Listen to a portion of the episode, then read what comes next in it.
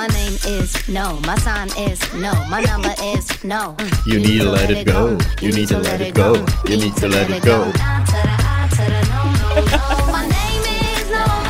Vítejte u nové linky, dnes to bude o říkání ne. Mně se líbí zase ta písnička. Teres chce zase poslouchat písničku, no ale my musíme nahrávat podcast. Já jsem v takovém rozpoložení, že já už bych to taky let it go. Let it go. Trochu bych to let it go. Let it go. No ale na to, jaký jsme udělali takový uh, srandovní úvod, tak si myslím, že tahle epizoda nebude taková legrační. To bude extrémně vážná. No, no nevím. Podle našeho seriózní. rozpoložení chci, chci, chci nás vidět, jak děláme tohle téma teďka ne, nelegrační. Zcela jednoduše. Budeme, budeme prostě strašně vážní. Dobře, tak Vůbec jdeme se nebudeme usmívat, budeme se mračit. Ano, to nám, to nám vždycky jde. My jsme, my jsme se trošku nadopovali cukrem teďka ráno, hmm. takže já si myslím, že možná to má nějaký vliv i na to naše rozpoložení. Měli jsme tady vynikající, no kdo to přines, Kovy? No Teres to přines. business. Řekni, kdo to tady Ano, připravil eh, všechno. Teres sama vynula od tří ráno croissany a, a uh, cinnamon rolls, uh, z kořicové rolky. Mhm. Mm-hmm. Ne, je to z Arctic Bakery, což je moje oblíbená pekárna. Toto není, prosím vás, pěkně placená spolupráce, ale čirá láska. Ale mohla by být. Ale mohla- Někdy třeba, kdyby nás někdo slyšel, tak... To by byl dobrý sponsoring. No, každopádně jsme se ano ráno nadopovali cukrem, dneska to možná bude znát, ale um, je to jedna z věcí, které ne, uh, já Se úplně snadno říct. neříkám. Přestože Kovy přišel už najedenej, ty už jsi byl po snídani. No tak najednou se objevilo místo, samozřejmě v žaludku hned, když jsem viděl, uh, když jsem viděl tam toho, co, co ono to je, s tím pudingem uvnitř. Ano, to je Danish. Danish. Danish se tomu říká a to je vynikající. A právě já jsem na to narazila asi tak no, pár týdnů zpátky a vím, že to je to tvoje oblíbená pekárna. Hmm. Nicméně jsem uh, tak jako uznala, že to je úplně to nejblíž, co já jsem kdy ochutnala právě tady ty skandinávský delikatesy, který si můžeš koupit tady u nás v Praze. No, Takže tak. Takže tak, takže jsme nedopovaní cukrem. Dneska každopádně to téma bude uh, ofou serióznější než možná běžně, protože tohle je jedna z důležitých věcí, kterou se každý musí v životě naučit a to je jak odmítat.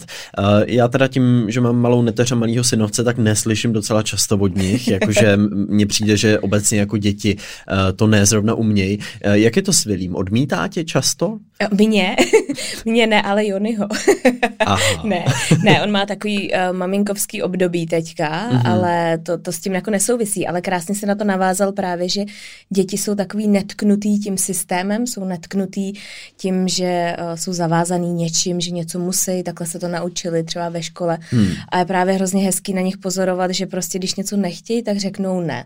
Protože pak je ten druhý extrém, když říkají to ne pořád dokola a nechtějí jíst polívku a nechtějí si nazout boty a tak. Ale to byl jeden z těch právě v prvních bodů, proč je tak, co jsem chtěla zmínit, proč je tak těžký pro nás dospělí říkat ne. Protože nás to vlastně nikdo nikdy neučil. No je pravda, že to nepřichází v dětství v tom období prvního vzdoru, že jo, kde prostě všechno odmítáme a, a vzdorujeme za každou cenu, ani nevíme moc proč, nebo děti prostě to tak mají.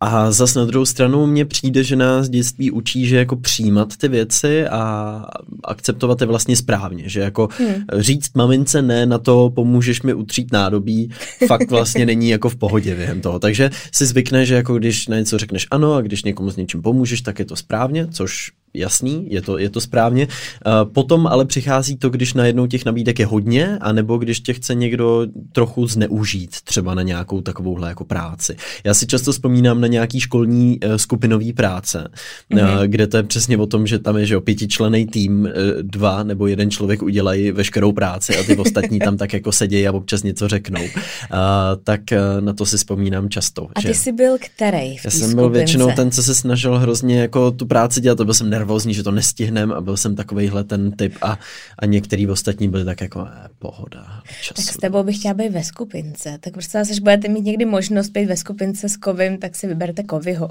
Já to všechno Vám neřekne ne. Hm, Ale, ale budu strašně nervózní a pak na vás budu teda zpětně možná naštvaný trošku, že jste nic neudělali. Takže já jsem měl rád vždycky ty, kteří se mnou uh, na tom dělali a spolupracovali a tak. tak já tady s tebou taky dělám na podcast. Ještě jsem mě neřekla ne nikdy, viď? A ty mě teda možná Taky ne. No, nemám ten pocit. Nebo možná já jsem navrhoval jedno téma a Teres řekla ne, že už by ho nestihla připravit, takže mě taky vlastně řekla ne. No tím jsem si ale trénovala, jestli to umím pořád, jo, anebo ne.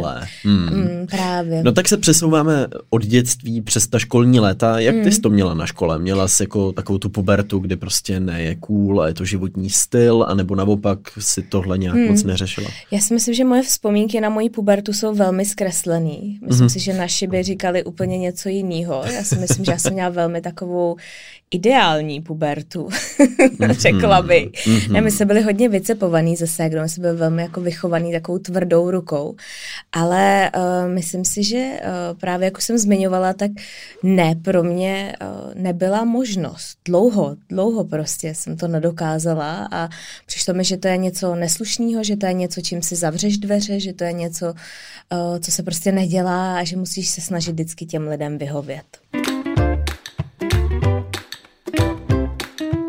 Proč teda neumíme říkat ne? No, já si myslím, že už jsem to zmiňovala v tom bodu, že nás to opravdu nikdo nikdy neučil. Že to hmm. bylo něco jako špatného. Hmm. Že představ si, že máš učitelku ve škole a ona ti řekne teda, pojď tady něco vypracovat a ty řekneš ne, že třeba tvoje priority jsou někde jinde. To nejde prostě. Jsi naučený v tom systému poslouchat a většinou je tam nějaký ten lídr, který tě vede, který ti říká, co máš dělat, protože ty jsi přece to dítě. Hmm. Ale myslím si, že v té dnešní takový benevolentnější výchově se to velmi mění a že takový to striktní rodičovství, že ti lidi ti říkají, co máš dělat, že to teďka už se to trošku mění a pozvolně se to spíš proměňuje do toho stádia, že nechávají rozhodovat ty děti mm. a oni musí si sami vyhodnotit, jestli je to pro ně výhodný nebo ne, nebo jestli se dají prostě, když se dají dezert před hlavním jídlem, tak pak už nebudou jíst hlavní jídlo. Víš, takový ty, já nevím, já úplně nejsem takový jako velký fan tady těch extrémů, mm-hmm. ale vidím v tom aspoň něco, že prostě nemáš to takhle odsaď posaď a to je jediná tvoje volba. Máš pravdu, že dětství a školní léta jsou hodně o těchto autoritách, o tom dodržování těch autorit, poslouchání těch učitelů, trenérů, rodičů.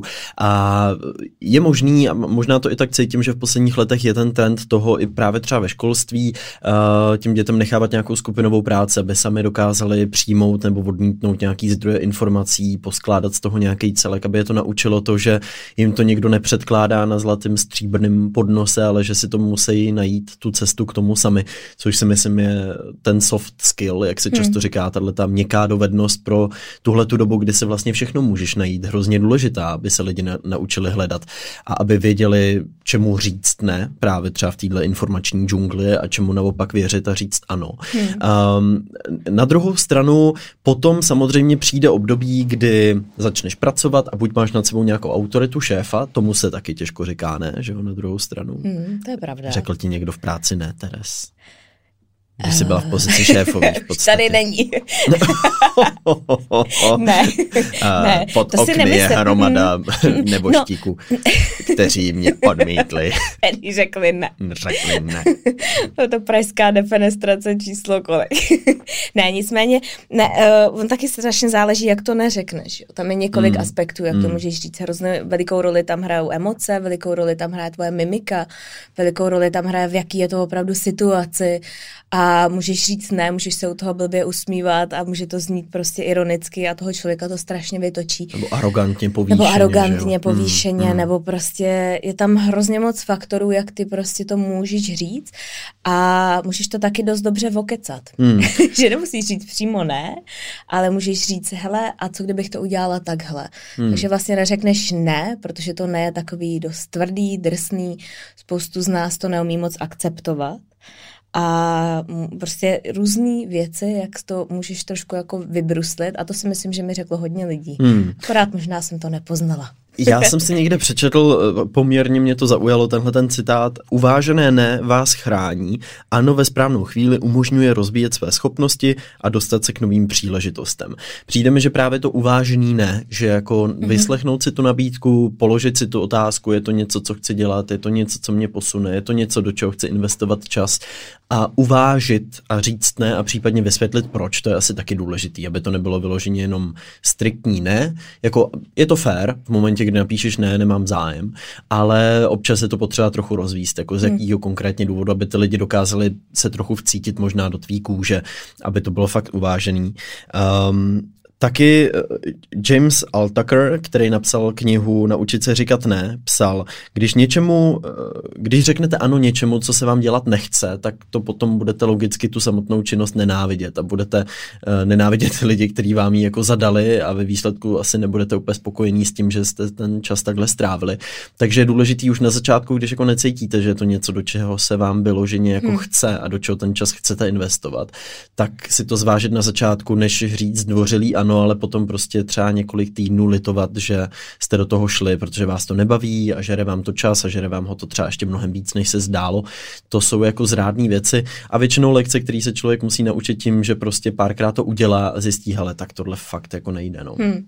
no a u tebe konkrétně, ty si pamatuješ, kdy třeba přišlo období, kdy ti přišlo, že už to umíš říkat, nebo přišlo ti, že ti něco v tom pomohlo, nebo že možná... No, hrozně jsem se to učil. Mně jako bylo nepříjemný lidi odmítat obecně. Mm-hmm. Bylo to právě tím, že jsem byl nastavený, tak když někdo chce pomoct, tak jasně pomůžu mu, ale uh, po určitém čase to prostě přestane být možný. A zároveň zjistíš, kolik lidí to jako zneužívá. Mm-hmm. Uh, kolik lidí využívá toho, že vědějí, že prostě tuhle schopnost nemáš. Takže vědějí, že aha, když já přijdu za tímhle člověkem, tak ten mě vždycky pomůže mm-hmm. udělá za mě tu práci a vlastně já pak toho nebudu moc muset dělat tolik a tak dále. Takže je důležitý poznat, kde je ta hranice, kdy někomu fakt mm-hmm. jako třeba pomáháte, protože to nutně potřebuje a kdy už to je o tom, že vás dlouhodobě třeba využívá a zjednodušuje si tak práci. Myslím, že je to hodně v pracovních kolektivech tohle. Já jsem pracovně spíš jako jednotlivec, takže tam jde... Říkáš mě... ne sám sobě.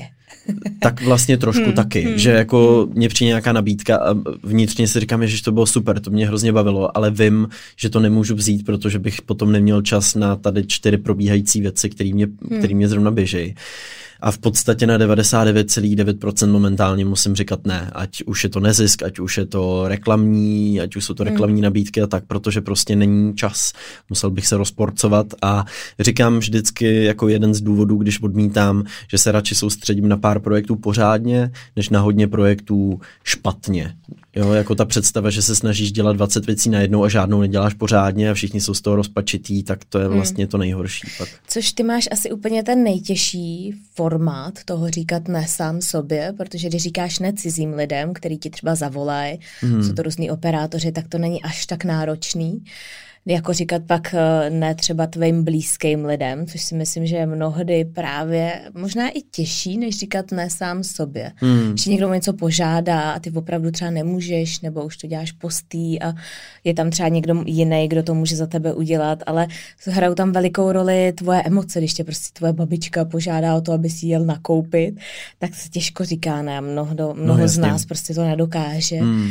A, ale myslím si, že říkat ne, co si myslíš, je, je to těžší říkat to sám sobě nebo tvým blízkým? No, jsou podle mě tři roviny. Jedna je ta pracovní, kde tam se s tím trochu počítá, protože to je nabídka, poptávka, prostě máš zájem, nemáš zájem, uh, nebo pracovní kolektiv, kde prostě je to o nějaký spolupráci, takže hmm. někdy jasně je tam ten čas, jindy ne.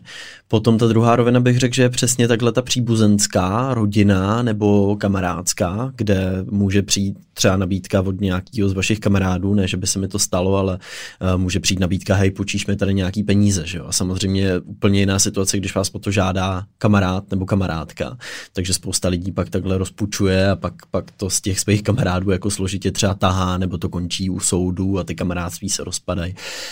Um, no a potom je ještě, ještě třetí rovina, ta je možná nejtěžší a to říkat si to sám sobě. Ty s tímhletím nějak pracovala teda? Hmm. S tímhletím říct hmm. si ne v hlavě? Já jsem asi před rokem, je, už je to rok, no možná už to budou dva roky, před dvěma lety, já jsem uh, chodila na osobní coaching hmm. uh, k jedné koučce, která mě právě velmi otevřela oči tady v tom, protože mi nastavila zrcadlo a řekla mi, ať si napíšu svoje priority. Já jsem jí vyjmenovala všechno, co jako potřebuji stihnout. Tenkrát Willy byl malinký, mu byl rok a půl, takže já jsem se někde zmítala mezi pra prací a měla jsem veliký ambice to všechno jako skloubit dobře dohromady. No a dopadlo to tak, že jsem prostě úplně padala na pusu, takže jsem si uh, našla právě tady osobní koučku, která mi pomáhala s tím trošku ten můj život jako uspořádat, učesat ho. No ona mi tenkrát uh, dala takový jako nádherný nástroj právě udělat si priority a vždycky si číslovat ty věci a ty, který měli prostě to nejnižší číslo, tak ty prostě šli ven a těm jsem řekla ne. A doteďka, doteďka si to v sobě jako nesu, doteďka, když mám něco prostě rozhoduju a vím, že mám určitý, určitou kapacitu, tak tohle byl systém, který mi nesmírně pomohl.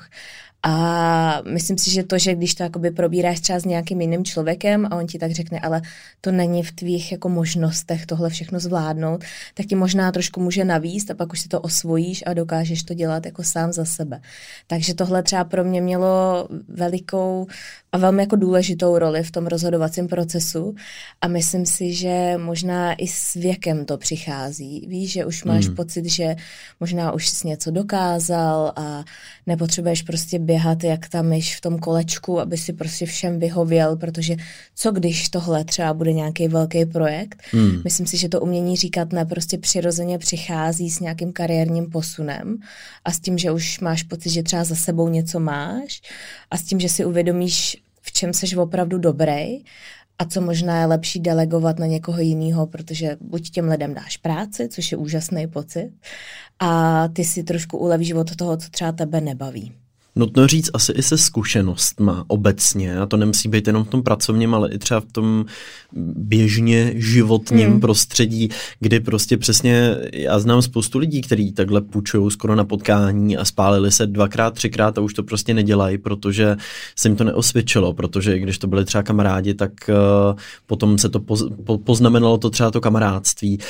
Um, takže to, to, tohleto odmítání uh, přichází se zkušenostmi a to vnitřní odmítání může být těžký občas třeba i ve vztahu k nějaký závislosti, jo? že mně přijde, že všichni lidi, co vlastně řeší nějakou závislost, ať hmm. už je to třeba na alkoholu, na tabáku, na sociálních sítích, tak je to taky hodně o tom říct si v nějakou chvíli ne, já to prostě zavřu, já si to nekoupím, já si tu flašku do ruky nevezmu a s tímhle tím démonem oni potom třeba musí bojovat a je to vlastně taky vnitřní boj, kdy ty nejsi schopná se té věci vlastně postavit a odmítnout jí, hmm. takže i to samotný může být trochu příznak toho, jak těžký vlastně občas může ne pro lidi být? Hmm. Já si myslím, že možná eh, přesně jak říkáš o těch zkušenostech, tak uh, tam se na to dá hezky navázat, že můžeš prostě začít po malých krůčcích. Hmm. Asi jako se vším, asi jak jsme komentovali rutinu nebo prostě nějaký nový návyky a tak dále, tak všechno tohle začíná, že ty to nemusíš všechno najednou přeseknout, hmm. ale můžeš to, dejme tomu, trénovat prostě na malých, bezvýznamných věcech. Hmm. A třeba jeden z lidí, který opravdu neumí říkat ne, je Jony. Ten to opravdu neumí, takže ten opravdu neodmítne nic, nikoho, nikdy. A řeší to tak, že uh, třeba nebere telefony, ale jako lidem, o kterých ví, že třeba po něm něco jako chtějí, tak on je prostě třeba ten telefon nevezme, protože on není schopný prostě říct ne. A to je jeho taková taktika. Takže když mi nebere telefon, no. tak vím, co se děje. No na to je, já jsem si zvyknul třeba, když mě někdo volá, protože ty lidi to na tebe jako vyvalej a zeptají se tě, tak co, tak jo nebo ne? A ty prostě v tu chvíli třeba něco děláš. Přijde mi to hrozně invazivní obecně, mm-hmm. jako někomu volat. Já to dělám jenom v krajních případech, kdy je něco urgentní a hoří mm-hmm. to, protože eh, buď jsi s rodinou, nebo děláš na nějakém úplně jiném projektu, nebo natáčíš, nebo seš tady v podcastovém studiu, najednou ti někdo out of nowhere volá a začne do tebe hustit, jakože tady v tohle datum, tady s tím tím. Jasně, je to rychlý a efektivní, ale očekávat, že v tu chvíli dostaneš jasnou odpověď, mm-hmm. je prostě mm-hmm. jako never. Takže já mhm. vždycky říkám, super, děkuju, napište mi to na e-mail, já se k tomu dostanu, až na to budu mít čas. V klidu se rozhodnu, jestli do toho půjdu nebo ne. Protože právě tohle je nejvíc ošemetný. Ty přes ten telefon je ti to takový blbý, teď ty lidi ti to vysvětlují prostě 10 minut, jak je to super, až by to bylo hrozně fajn, jak by si pomohla, že no tak možná jo, tak dobře. No, pak na to skoro zapomene, že se to stalo o týden později. Tak, počítáme s tebou, tady prostě sebere ti to tři dny tvýho pracovního času, dohromady asi 62 hodin a tady ještě 16 hodin plus, to jsme ti ještě neřekli, tak s tebou počítáme a čau prostě a seš tam a nazdar prostě. Jako, ani nevíš jak. Ani nevíš jak. Některý hmm. lidi jsou opravdu bohužel schopní tě manipulovat do něčeho tak, že vůbec netušíš, jak se to stalo uh-huh. a to opravdu je o zkušenostech, o tom, že když je to pracovní a je to nějaká nabídka a je to vágní a ty jako řekneš možná jo, tak ty lidi často si to potom zpětně vy, vyloží mm-hmm. jako no ale teď jste řekla ano Terezo, mm-hmm. jakože teď my s vámi počítáme. Je to hrozně nebezpečné. A pak už je ti to blbý z toho jako víc, že jo? Takže mm-hmm. občas je lepší rázný ne, než taková neurčitá mm-hmm. odpověď, jakože možná jo, protože mm-hmm. pak, pak z toho jsou akorát nepříjemnosti. Občas je fakt lepší to odmítnout rázně. No. Já musím říct, že v telefonu mi to nedělá problém mm-hmm. a Jony se mi vždycky směje a pozná, že to je nějaký buď operátor nebo někdo, kdo mi něco nabízí, no, tak protože já říkám určitě ne. že já jednou řeknu ne a ten člověk jako zkouší a pak říká určitě ne. A to pak, to pak musím někdy vám natočit, nebo to se zeptáme Jonyho, protože on to říká hrozně jako vtipně. Říká určitě ne, tak kdo to zase byl. a v tom telefonu mi to nedělá problém, ale uh, jako když jsme třeba jeden na jednoho a ten člověk opravdu, a opravdu vidíš ale ten zápal v něm, hmm. že prostě opravdu mu na tom záleží, že ty tam budeš, tak málo kdy se mi to podaří ale snažím, snažím se to dělat tak, že uh, velmi, řekla bych, asertivně a možná diplomaticky uh, jim vysvětlím, že znám někoho, kdo je ještě lepší než já a kdo tam se hodí hezky. ještě líp než já. Ale pak musíš mít někoho v tom rukávu, koho jim jako dohodíš. Nějaký nebožáka, který jim předhodíš, anebo ne, naopak je to fakt good match. Jako naopak to, je pravda, to může no. být právě mnohem lepší, takže to mi přijde, že jsem se možná naučila za poslední rok, že opravdu místo sebe a tak to tak jako podám, že hele, ale já nejsem ten dobrý dobrý člověk a nejsem ta dobrá volba, tady bude někdo lepší, který do toho bude ještě víc zapálenější a udělá to ještě líp než já. A já pak nemám ten špatný pocit z toho ale musíš mít teda dobrý lidi, který tam pak dohazuješ. Aby to nebyl furt ten jeden člověk, na který pak deleguješ. No tak to je skvělý, takže mi pak ty lidi volají. Hele, já, já to nebudu moderovat, ale znám jednoho člověka a ten je opravdu ještě desetkrát vtipnější a výřečnější. Tak možná proto se ti sypou ty napítky covid. Děkuji ti Teres velmi. No důležitý je si taky říct, aby to byla malá motivace, aby to nebylo jenom vyloženě tenhle ten nepříjemný zážitek, který ve výsledku čas časem musíte akceptovat, že je nevyhnutelný a že to možná ne vždycky nepříjemný, ale může z toho plynout něco pozitivního. A to je třeba co tím, že nějakou nabídku odmítnu, na kterou se prostě necítím, na kterou nemám čas, eh, do který se mi prostě nechce jít, co tím získám, na co ten čas, který mě zbyde, jako využiju. A pokud je odpověď prostě třeba osobní život, eh, pokud máš třeba ty děti, že jo, tak je to prostě čas strávený s rodinou, nějaký vlastní projekt, který si sama vymyslela, chceš do něj ten čas investovat a nezbývá ti třeba kvůli cizím projektům, tak v tu chvíli si myslím, že to je třeba vize, za kterou možná stojí obětovat občas nějaký to odmítnutí, protože si pak člověk mnohem líp kontroluje ten svůj čas. Hmm. Já si myslím, že přesně jak jsi říkal, že to musí být to tvoje vnitřní přesvědčení, že hmm. jsi o tom opravdu jako přesvědčený, že tohle je dobrá volba a tím pádem se ti to neříká trošku líp, jednodušeji, ale myslím si, že asi většina z nás, který to neumí a který, uh, který opravdu třeba s tím zápasej a prostě málo kdy řeknou ne, tak je to ze strachu, protože mají strach za prvý, co si ty lidi o nich pomyslej, za hmm. druhý, jestli si opravdu tím nezavřou nějaký možnosti a když říkáš ano, tak možná si ty lidi i víc jako zavazuješ a máš pocit, že když se ty jich zeptáš příště, tak oni jsou ti zavázaný. Hmm. Takže zase by ti mohli jako tobě vyhovět. Takže si myslím, že je to taková kombinace toho. Ale určitě, určitě je dobrý mít to vnitřní přesvědčení, že takhle je to dobře.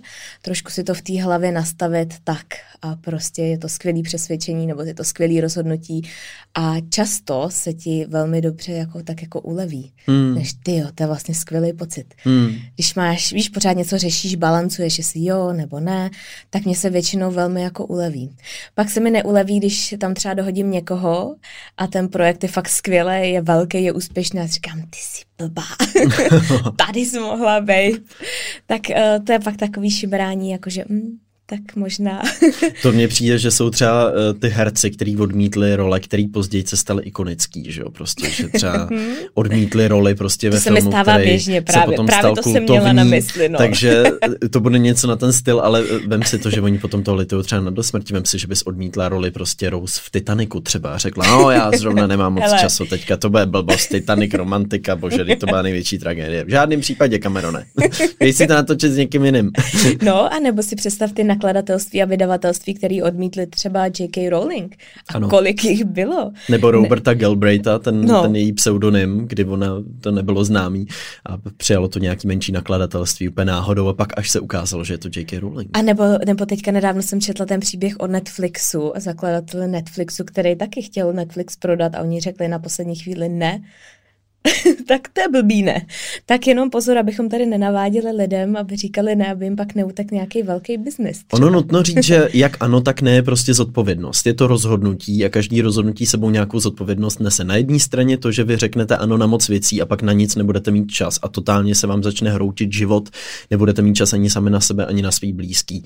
To je jeden extrém. Druhý extrém je zase asi být úplně negativní, odmítat úplně všechno a úplně všechny bez výjimky, ale tím pádem se nedostat třeba k žádný zajímavý příležitosti, nebo třeba se potom asi těžko stane, že trefíte nějaký ten svůj Titanic, ale tentokrát v dobrém slova smyslu a povede se vám se přichomejtnout k něčemu, co vás opravdu může posunout, nebo, eh, nebo tak. Takže je to hodně, já třeba dávám strašně moc na intuici. Jo? V dnešním velmi racionálním světě se to moc nenosí, ale já často dávám na to, jaký z toho mám pocit, z té nabídky, z toho člověka, jestli tam cítím nějakou hmm. symbiozu, pak si až kladu ty racionální otázky, jako co z toho budou mít oni, co z toho budou mít já, je to prospěšná věc, charitativní věc, je to jako reklamní věc, korporát a pak tam jako vyvažuju tyhle ty pozitiva, mm-hmm. negativa a z toho potom vycizeluju tu odpověď. Dáváš ty na svoji intuici? Ne, já žiju podle intuice. Žiješ podle Proto intuice. dneska uh, podle svojí intuice porodím. Ježišmarja, Blbý je, teď? že moje, moje intuice dost často, ne, já, já jako velmi často dávám na intuici, velmi často dávám na lidi, myslím si, že je to něco, co, uh, nechci říkat, co mi jde, ale co jsem se možná za ty roky jako naučila umět ty lidi trošku prokouknout, umět prokouknout možná některé ty masky toho, co mají, uh, jaký je ten motiv opravdový a Hmm. tak. A samozřejmě ne vždycky to vyjde, ale intuice je pro mě strašně důležitá věc. A je dobrý, když, když to pak umíš vybalancovat i tím ráciem. No, to je, nutno je říct, dobrý. že i, i tvé druhé zatím nenarozené dítě se naučilo říkat ne, protože vy jste podle všeho měli dohodu, že se mělo narodit Ano. včera, 1. února, my to nahráváme trochu s předstihem a očividně tam proběhlo Ne. první ne. Jo, já myslím, že to bylo to první ne. A teď už jich bude ještě spoustu dalších. Uvidíme, no. Tak uh, ono je pak blbý, když to jako veřejně takhle někde pak říkáš, tak pak vypadáš jako blbec trošku. No ono to, ne, já si spíš myslím, že to asi nejde moc ovlivnit, ne? Že to není tak jako, že Já si myslím, zítra, že pojď. jo. Psychicky, pro... ne, jako v tohle třeba já věřím, že můžeš být jako napojený na to tělo, můžeš vnímat nějaký jako znamení, které Mhm. mm-hmm. nejsou tak těžký na vnímání, když mě každý 10 minut úplně stvrdne břicho, tak už jako vím, že něco se děje, ale samozřejmě pak je tam spoustu dalších věcí, které neovlivníš, nicméně ano, to bylo moje první ne.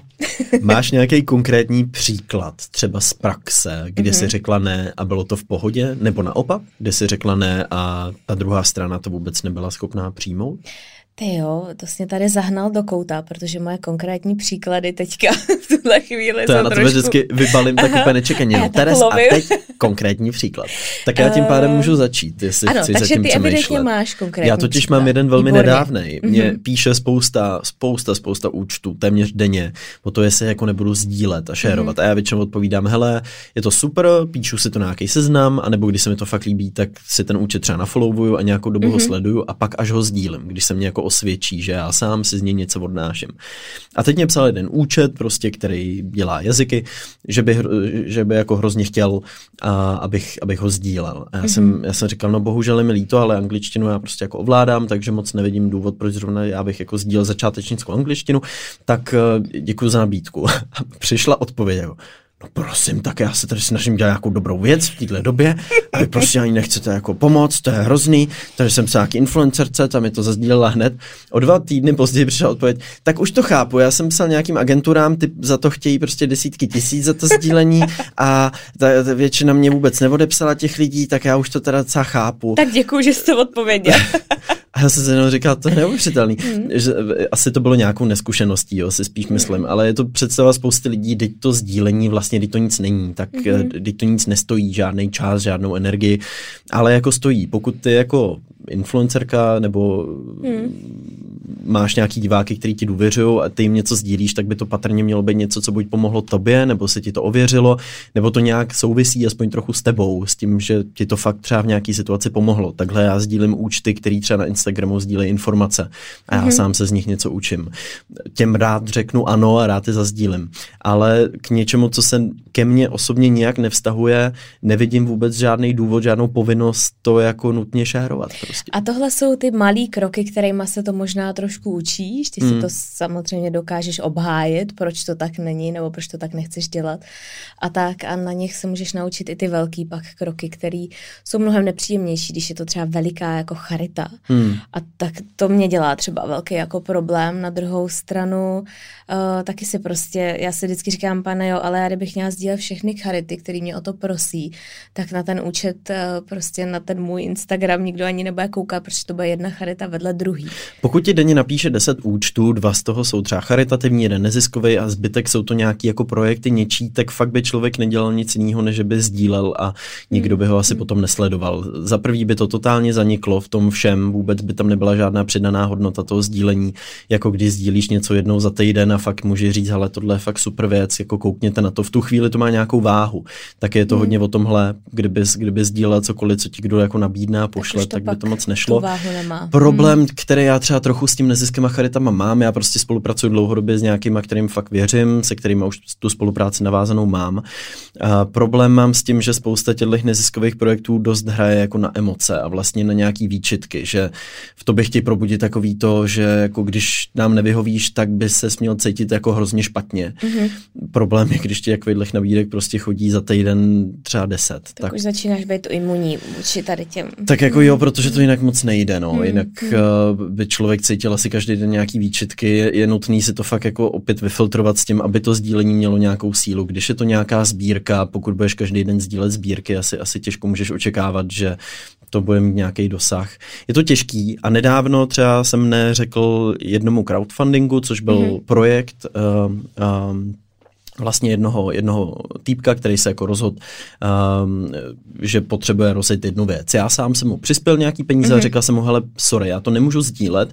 Uh, co se týče jako charitativních sbírek, já sdílím jenom ty crowdfundingy, které jsou charitativního charakteru. Mm-hmm. Pokud bych sdílel jednou jedinkrát něco, co není, tak by mě pak psali úplně všichni, co mají nějakou jako sbírku mm-hmm. a chtěli by to někde zazdílet a to, to by bylo hrozný. Takže a on to samozřejmě pochopil, jo. Takže takže záleží. No. Někdy, někdy přijde to, to pochopení a jindy přijde takový to, trochu možná, nevím... Nafoukaný. četky, že jako, no. Mm, já jsem takhle jednou zazdílela uh, slečnu, která mi psala, že jí hrozně šlape po krku uh, její profesora, já myslím, že už jsem to tady zmiňovala v podcastu. To bylo krásný. A přesně jak říkáš, no, já jsem právě zazdílela to, že potřebuje vybrat, já mám pocit, že to bylo tisíc uh, odpovědí na nějaký dotazník, co se týkalo výzkumu pro její diplomku a my jsme to zvládli asi během dvou hodin, což bylo neuvěřitelný. Hmm. Jenže samozřejmě na to se navolilo spoustu dalších lidí, kteří taky dělají různý jako výzkumy a tak dále, tak pak jsem opravdu dva týdny neřešila nic jiného, než jsem odpovídala, že se omlouvám, že teda to byla prostě výjimka a tak. Takže to je takový to, když něco tak jako naťukneš, tak pak se svalí ta valina, uh, valina, lavina. valina. Je, je problém, hmm. že tuhle valinu si spousta lidí neumí jako představit hmm. vlastně úplně. No, že jako je to, je to těžký v momentě, kdy to nezažíváš, kdy, ti, kdy nejsi v té roli, že se fakt musíš jakoby rozhodovat me, mezi 20 věcma, pak je to samozřejmě trochu těžký pochopit, když třeba ten daný člověk nemá úplně třeba empatii a, a, a nechce se do toho vcítit. No. Takže ty konkrétní příklady z praxe, toho by se dalo najít asi spousta. A kdybychom to teda tady v závěru měli nějak schrnout, na co jsme tady přišli za hmm. těch několik minut toho, co nám pomáhá, nebo jak, jak lidi třeba naučit říkat ne, tak to si myslíš, že byly ty největší klíčové body, co jsme tady zmínili? Kdybych to nějak shrnout, tak nenechat se zatlačit do kouta třeba během nějakého toho hovoru, nenechat, ne, nepřistoupit na to, že se musíš rozhodnout teď hned, nechat si tam klidně čas na rozmyšlenou, je to super, pak máš čas na to, že může promluvit intuice, promluvit rácio. Za mě typ číslo jedna, dát si čas. Mm-hmm, určitě a říkat to ne s přesvědčením a říkat to ne možná empaticky, pokud je to jeden na jednoho, tak určitě vnímat ty emoce, se kterými to říkáme a uh, možná vždycky nějak volit správný slova a těm lidem možná dát ještě i nějakou jinou možnost, ať už třeba navrhnout nějakého jiného člověka nebo navrhnout jinou formu, jak to udělat, taky si myslím, že to může zjednodušit tu cestu. Myslet na to, aby to ne, neublížilo. Souhlasím, to by mohl být typ číslo dva. Eh, ten třetí za mě by bylo určitě pamatovat na to, že na některé věci není špatný říct i ano, ale promyslet si to pořádně, protože přílišný odmítání potom může vyústit v to, že prostě o něco přijdem. Takže eh, možná se úplně nezavří do toho, že je potřeba všechno nutně odmítat, hmm. ale myslet na to, že do některých věcí se fakt vyplatí jít, i když jsou časově, mm, co se prostředku týče a tak dále, náročný, ale pokud jim fakt věříme, tak, eh, tak to klidně i risknout. A možná na závěr zmínit i to, že eh, k tomu nějakým způsobem všichni dojdeme, ať už kariérně, nebo když prostě řešíme nějaké věci. Je to o těch zkušenostech, o tom, co si můžeme dovolit, jaký si nastavíme mantinely. A myslím si, že není asi moc dobrý tlačit jako příliš na pilu moc brzo. Pokud hmm. nás tady poslouchá někdo, kdo komu je třeba 20 a má celý svět prostě před sebou, nebo celý svět mu leží u nohou a má prostě možnosti vycestovat, třeba studovat někam, tak eh, za mě možná být víc otevřenější a počkat na ten věk, kdy to jako přijde přirozeně a samo. Tak, a kdy to možná tak. i podle té intuice ten člověk pozná, že hele, teď už je možná ta doba trošku se sklidnit a určit si ty větší priority. Čím víc má člověk zkušeností, tím o to více ta intuice má o co opřít, nebo to rácio, když hmm. si kladeš ty otázky, protože si řekneš, aha, to je podobný jako tehdy, to úplně neklaplo, je to jednodušší. Uh, já jsem v podstatě ze začátku na všechno říkal jo, za prvé, protože těch nabídek nebylo moc a za druhý, protože jsem byl nadšený, že chodí a, mm-hmm. a naučil jsem se tím spoustu věcí, takže určitě ze začátku je super si vyzkoušet, co nejvíc to jde. Uh, no a já bych závěrem asi dodal ještě to myslet, myslet na to v momentě, kdy se třeba cítíme trošku jako zneužívaný, nebo že toho času sami nemáme moc a že se toho na nás valí hodně, nebo cítíme se určitým způsobem v té pozici, kdy říkáme ano na něco, na co bychom nejraději řekli ne, tak si předtím, než to ano řekneme, představit, co by to nespůsobilo, jestli by se nám neulevilo, jestli by to neznamenalo, že nám zbývá víc času na věci, na kterých nám třeba záleží trochu víc a um, vidět tam spíš tohle, než to, že to ne bude těžší než to ano. Spíš si říct, hele, stojí mi to za to, pokud jo, tak, tak do toho jít. Tak parádně jsme to schrnuli, vy. já myslím si, že já bych měla tady tu epizodu poslouchat taky.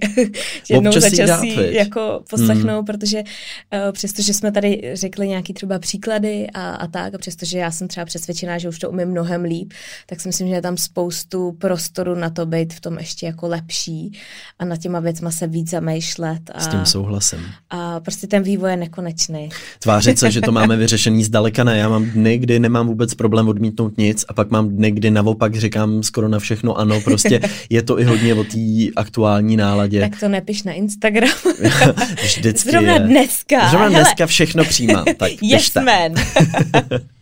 tak jo, tak se jdeme vrhnout na e-maily. Teres, máš, máš nějaký před sebou?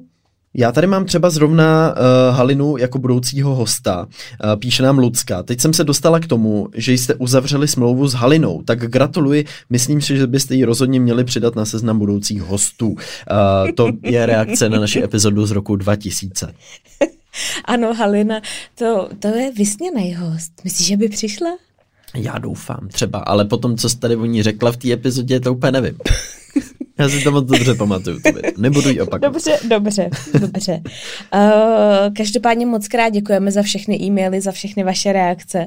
Je to krásný a my trošku si hrábneme do svědomí a budeme je číst častěji, no, než jsme četli. Já tady mám ještě jeden, no, počkej, počkej, ty už to no, Tady Marsi píše o tom, jak vznikly Kroxy a Ux což mi přijde jako ano, velmi zajímavý no point. tak pozor, tak to jsem napjatá. Tohle je reakce na epizodu 69, nejhorší trendy, nebo 68, myslím, ano. že to byla. Uh, Crocs jako obuv nevznikla původně jako na nošení na domu nebo do města, vznikla pro námořníky pracující na lodi. Jelikož je na lodi převážně mokro, tak aby nemuseli stále sušit boty, vyrobili speciálně pro ně pracovní obuv na loď z materiálu, který hned uschne s dírkami, kterými voda hned vyteče. No a u Ux je to tak, že ty vznikly v Austrálii pro surfaře, kdy surfaři vylezou z vody, aby jim nebyla zima a hned mohli skočit do svých teplých, vyhřátých botiček UX.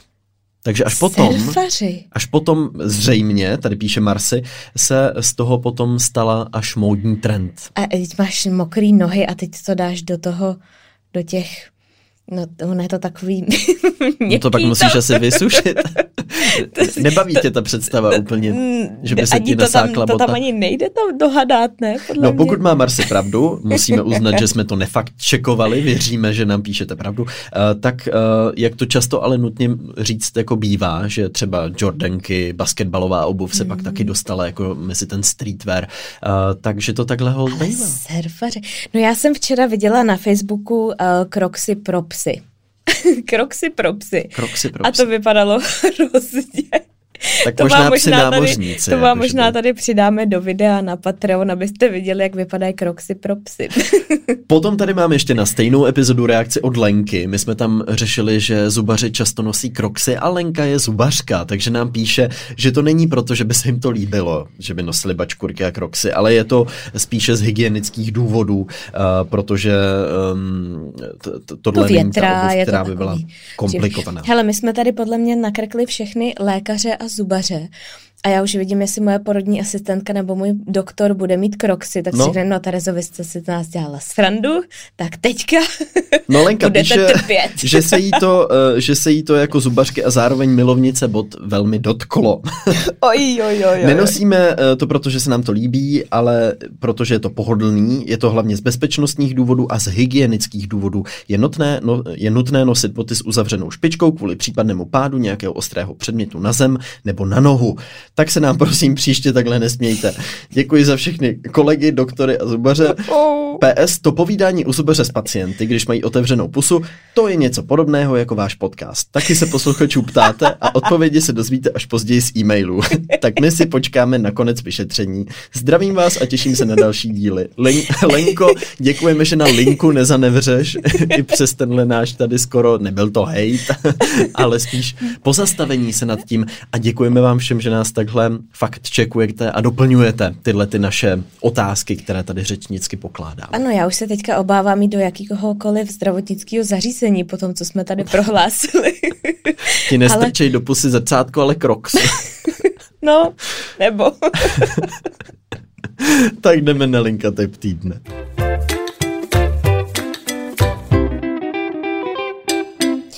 Můj linkatyp týdne si mi vyfouknul na začátku, protože my už jsme ho zmiňovali jednou, ale já prostě se nemůžu toho nabažit na toho Danish a cinnamon roll, takže za mě to jednoznačně Arctic Bakes. Bakery. Teď jsem to řekla blbě. Arctic Bakery, no tak teď to vypadá skutečně už jako spolupráce, ale opravdu přísáháme, že není. Uh, za mě je to film, který nedávno přistál na Netflixu před pár dny, dokonce si myslím, i když tato epizoda vychází později, takže už tam chvíli bude.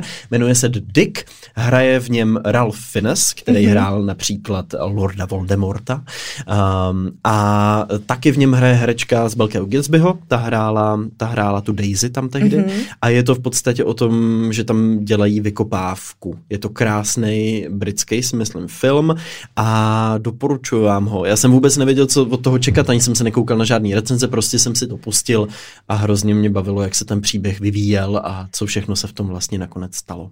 A když si pouštíš film na Netflixu, tak prostě vybíráš podle názvu nebo podle čeho ty vybíráš? Aby jsme tady mohli poodkrýt teda to tajemství, jak no, jsi na to přišel. Tohle bylo výjimečné, kdy to na nás večer vyskočilo a oba jsme si řekli, tak tohle chceme Vykopávku. Vidět. A tak jsme to si to prostě pustili, jak tam Ralph Fiennes prostě kope a bylo to hrozně hezky natočený. I jako umělecky. Fakt to bylo pěkný. Tak děkujeme za typkovi. Můžete um, si k tomu dát cinnamon roll. Můžete si k tomu dát cinnamon roll, dát si na nohy kroksy a udělat si hezký klidný večer s uzavřenou špičkou. Moc vám děkujeme, že jste poslouchali. tak nezvládli ten závěr Nějak dneska. ten závěr se nám rozpadá trošku. Takže děkujeme, že jste poslouchali. Děkujeme, že jste na našem Patreonu, kde nás podporujete. Tam se v pondělí můžete těšit na další epizodu a my se s vámi loučíme. Tak mějte se krásně a zase za týden. Ahoj. Ahoj. A můžete nám napsat maila, klidně.